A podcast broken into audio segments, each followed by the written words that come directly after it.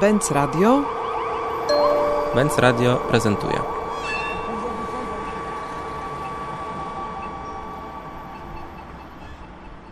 Miasto Myśli Możliwości to cykl spotkań prezentowanych jesienią w Muzeum Śląskim w Katowicach.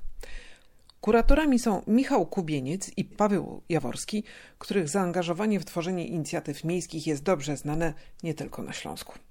We współpracy z muzeum organizują cykl spotkań, wykładów, pokazów filmowych, których celem jest umożliwienie bardziej dojrzałej rozmowy o tym, czym miasto może być. Rozmowy, w której głos mieszkańców jest bardzo ważny. Tytułowe możliwości, dobrze nazwane i określone, powinny rysować horyzont marzeń tych, którzy działają na rzecz lepszej przestrzeni miejskiej. O projekcie rozmawiam telefonicznie nie tylko z kuratorami, ale także z dyrektor Muzeum Śląskiego w Katowicach, panią Alicją Knast. Muzeum Śląskie jest beneficjentem, jak również e, ofiarą zmian, które zachodzą w naszym rozumieniu miasta. Z beneficjentem dlatego, że e, w 2003 roku ktoś zadecydował, że w centrum miasta powinno się znaleźć coś, co będzie tworzyło rodzaj jakiegoś centrum i że e, patrząc na historię Muzeum Śląskiego bardzo bolesną, która polega na tym, że muzeum się odradzało kilka razy, dopiero wejście do Unii Europejskiej to tak naprawdę umożliwiło. Więc jesteśmy tego beneficjentem, ale jesteśmy też tego ofiarą, ponieważ w ślad za tym w mieście pojawiły się pewne siły o charakterze takim czysto biznesowym, które muszą się oczywiście pojawić. Ja tego absolutnie nie, nie neguję. Natomiast w związku z tym, że ta parcela, która stoi za muzeum, została wykupiona przez e, biznes, to w tej sytuacji bardzo mocno doświadczyliśmy takiego napięcia, które się wytwarza w mieście, kiedy każdy próbuje to miasto wymyśleć po swojemu naszym takim głównym argumentem było to, że te bloki, które będą za nami, będą bardzo wysokie. One będą miały 16 kondygnacji docelowo, przy czym to jest jeszcze na górce. W związku z tym dzisiejszy kształt miasta, który wydawał nam się istotny, e, przyporządkowany pewnej symbolicznej ramie, jaką jest e, była Kopanie i jest zresztą powtarzane przez wszystkich tych, którzy przyjeżdżają do miasta, że oni widzą różnicę pomiędzy Katowicami a Bydgoszczą, to ta sytuacja, o której mówimy, spowodowała, że no ja sama doświadczałam tego na własnej skórze, jak bardzo nie możemy zabrać głosu. Jesteśmy w trakcie bardzo bolesnego procesu planu zagospodarowania przestrzennego, który no, w jakiś sposób no, nie uwzględnia naszych uwag, żeby jednak e, uznać tę tę naszą obecność instytucji kultury jako istotną w mieście. No i, i zmagamy się my, takie tam chuderlaki, z potężnym kapitałem finansowym, który no, wygrywa.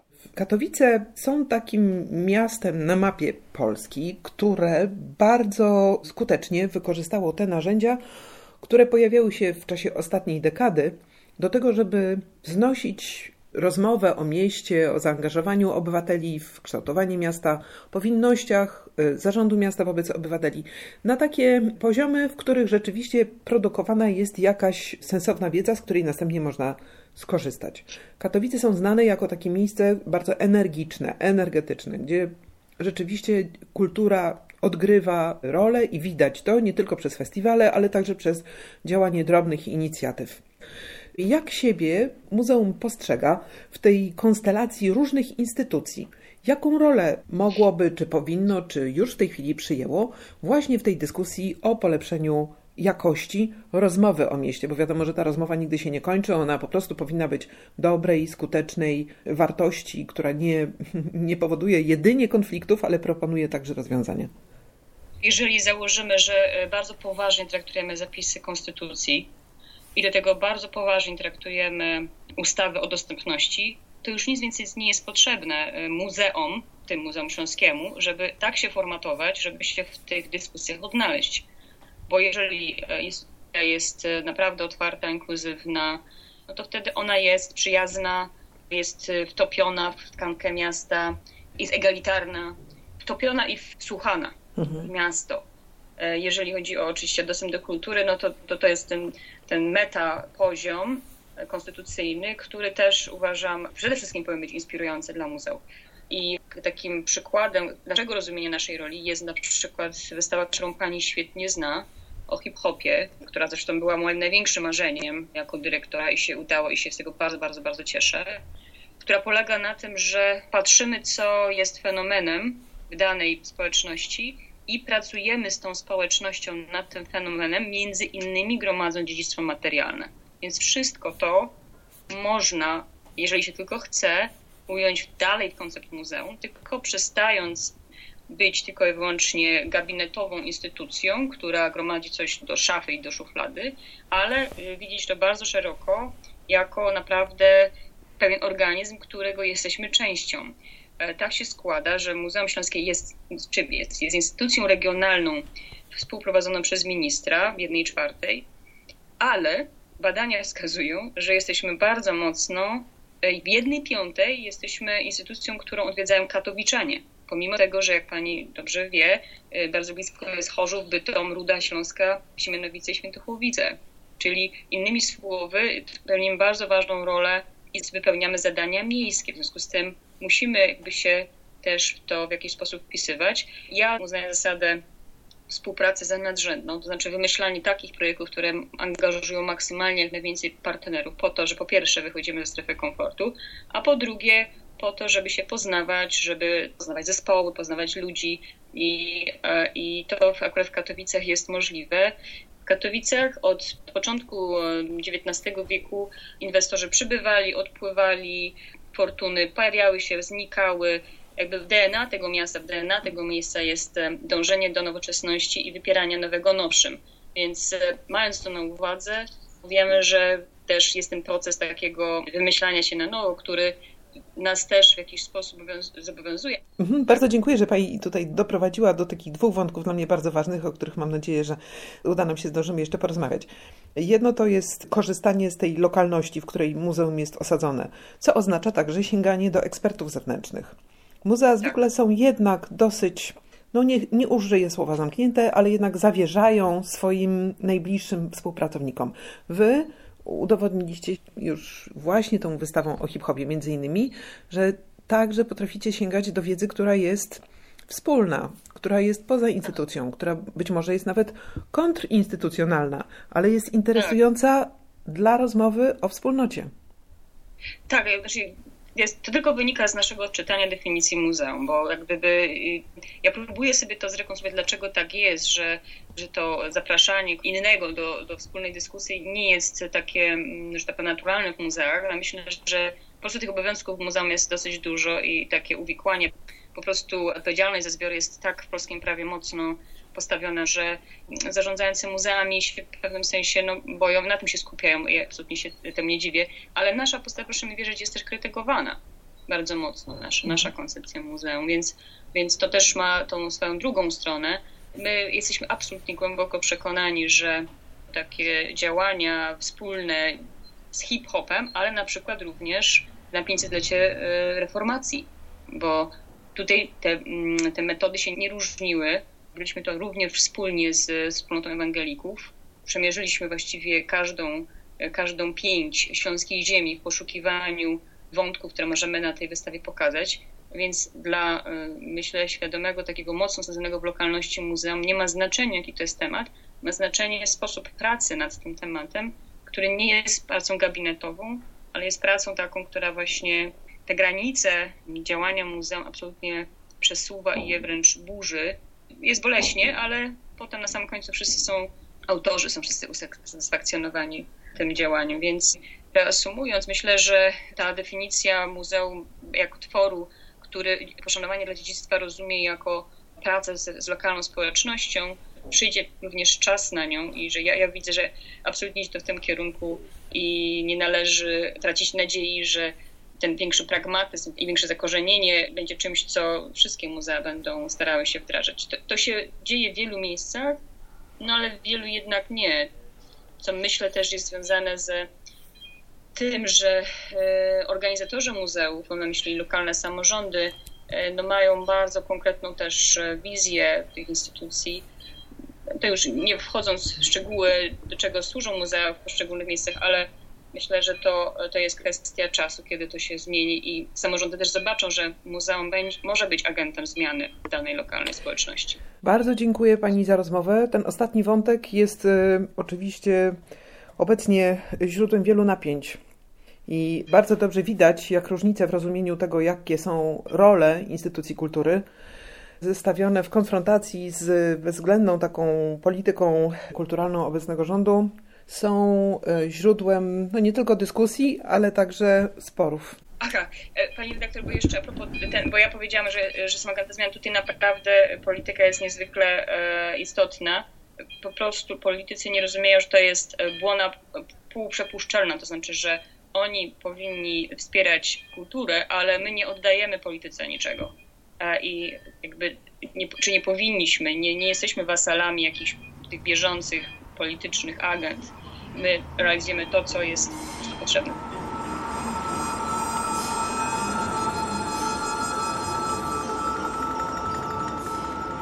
Nazywam się Michał Kubieniec, jestem kuratorem projektu Miasto Myśli Możliwości. Jak mamy rozumieć tę Waszą inicjatywę? Czy to jest jakaś Wasza interwencja w rzeczywistość polskich miast? Czy to jest jakaś odpowiedź na rzeczy, które się obecnie wydarzają?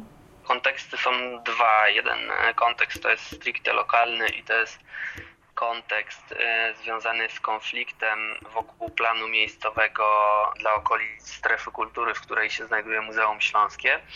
I ten konflikt, w którym uczestniczył zarówno muzeum, jak i my jako miejsce aktywiści, pokazał nam, jak bardzo brakuje nam jakby nowego języka do mówienia o tym, jak, jak miasta się mogą zmieniać. I pokazał też, myślę, muzeum, że pełni bardzo ważną rolę nie tylko w swoich murach, e, ale też poza nimi i że powinno i że chce się zaangażować właśnie w różne procesy miejskie, które się dzieją. No i chcieliśmy też po prostu zarysować dzięki takiemu projektowi takie powiedzmy szersze tło dla tego, jak można dzisiaj o mieście mówić, jak można je zmieniać.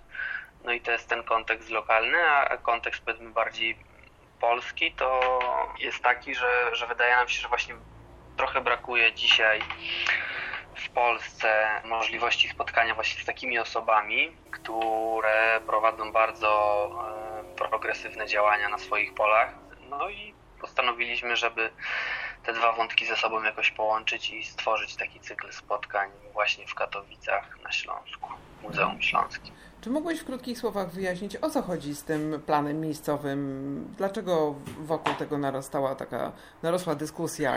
Dyskusja powstała w momencie, Urząd Miejski w Katowicach ten plan opublikował i było wiele osób, e, instytucji z niego niezadowolonych, był on bardzo prostym, w zasadzie stworzonym stricte pod deweloperów, planem miejscowym dla w zasadzie najważniejszego obszaru w tej chwili w Katowicach, w śródmieściu Katowic, y, dla ogromnego obszaru, który ma być w dużej mierze zabudowany bardzo wysoką architekturą i tu pojawiały się bardzo różne argumenty. Z jednej strony właśnie Muzeum Śląskiego, które jakby bało się tej wysokiej architektury i tego jakby wpływu krajobrazowego, a z drugiej mojej Pawła argumenty i wielu mieszkańców odnośnie tego, jak e, te planowane tam jakby inwestycje będą współgrały z okolicznymi dzielnicami pod względem komunikacyjnym, pod względem społecznym i, i tak dalej. Staraliśmy się jak, jak najszerszy kontekst tej dyskusji nadać. No i ta dyskusja się tak naprawdę nadal toczy, bo w tej chwili jesteśmy na etapie ponownego wnoszenia uwag E, do tego planu. Większość niestety nie jest uwzględniana. No i zobaczymy, co dalej. Dla nas w ogóle to, to był świetny moment, jako dla mnie, dla Pawła i dla miasta projektu, bo udało nam się zsieciować bardzo dużą grupę mieszkańców i różnych grup protestów, bo zaczęliśmy od strefy kultury, a w tej chwili tworzymy takie tak zwane, nazwaliśmy robocze przychodnie urbanistyczne, czyli spotkania, na których tłumaczymy mieszkańcom, jak działają plany miejscowe i te spotkania nie odbywają się w, powiedzmy w kręgu tak zwanej klasy kreatywnej, gdzie wszyscy się wzajemnie poklepujemy po plecach i mówimy sobie, jak to jest źle, tylko spotykamy się na ogródkach działkowych, w świetlicach szkolnych i tak dalej, bezpośrednio jakby z zaangażowanymi mieszkańcami, więc my, my też dzięki, temu, temu całemu konfliktowi bardzo dużo zyskaliśmy. Udało nam się też sieciować wiele ciekawych grup, które protestują w różnych dzielnicach Katowic i dotrzeć w ogóle do zupełnie innych też odbiorców. Mam takie poczucie, działając na rynku idei urbanistycznych, że to, co do nas dociera i to, o czym rozmawiamy, to jest jakaś bardzo wysoka sfera abstrakcji. To znaczy, bardziej dyskutujemy o ideach, a mniej dyskutujemy narzędziowo i operacyjnie, więc nie do końca wiemy, jak wdrażać te, te idee, które nas, nas inspirują. No i od razu przypomina mi się moja przygoda z, z pustostanami, zresztą nasza wspólna przygoda tak. z pustostanami i z wdrażaniem polityk, które by sprowadziły do ich reurbanizacji. No, kilkuletnia dyskusja o tym, jak to robić w bardzo różnych układach i takich współpracy z prywatnym podmiotem, z publicznym czy z partnerstwem międzysektorowym. E, wszystko było świetnie do, do kiedy rozmawialiśmy o zasadach, a zaczęło być dla nas trudne, kiedy trzeba było pozyskać technologię wdrażania tych zmian. No wtedy to już zaczynało być bardzo poważne i, no i, no i ten brak narzędzi, brak wiedzy operacyjnej, brak wiedzy o tym, e, jak to zrobić realnie w rzeczywistości od poniedziałku do piątku w konkretnej sytuacji prawnej, to nas trochę e, zabijało. Kto Twoim zdaniem dzisiaj jest siłą sprawczą e, budującą miasto? Kto materializuje przestrzeń miejską? Będziemy w, będziemy w strefie kultury, więc można powiedzieć, że podmioty publiczne, które prężą muskuły, bo to jest akurat taki obszar, gdzie e, no, pokazuje władza publiczna bicepsę e, za pomocą pomników architektonicznych. Ale no, to, to jest, odpowiedź jest bardzo skomplikowana, bo to oczywiście zależy, zależy od miasta i zależy od sytuacji. Dla mnie proces kształtowania miasta to jest e, raczej taki proces konfliktowy, w którym, w którym uczestniczą różni gracze o różnym potencjale. No, z jednej strony mamy duże podmioty gospodarcze, gospodarcze, firmy deweloperskie, których działania w Polsce wszyscy obserwujemy. Mamy wreszcie szereg mniejszych podmiotów, które w tym, w tym uczestniczą. Mamy podmioty publiczne, które starają się w jakiś tam sposób rozstrzygać konflikty. Mamy mniej lub bardziej silne grupy, grupy lokalne. Myślę, że nie można powiedzieć, że jest jakiś taki sędzia, jest temida rozstrzygająca w sposób sprawiedliwy o, o tym, jak, jak miasto rozwijać. To jest gdzieś jakaś taka, nie wiem, równowaga e, wytwarzająca się w danym momencie momencie pomiędzy siłami, które ciągną e, w różne strony. W niektórych miastach to jest tak, że zobaczymy potęgę podmiotów publicznych, widzimy to w Katowicach. W innych miastach, które rozwijają się bardziej wolnorynkowo, no to przede wszystkim te gmachy prywatne i przestrzenie wytworzone przez prywatne podmioty będą dominowały w przestrzeni miejskiej. Dziękuję bardzo i pewnie do tej rozmowy jeszcze wrócimy.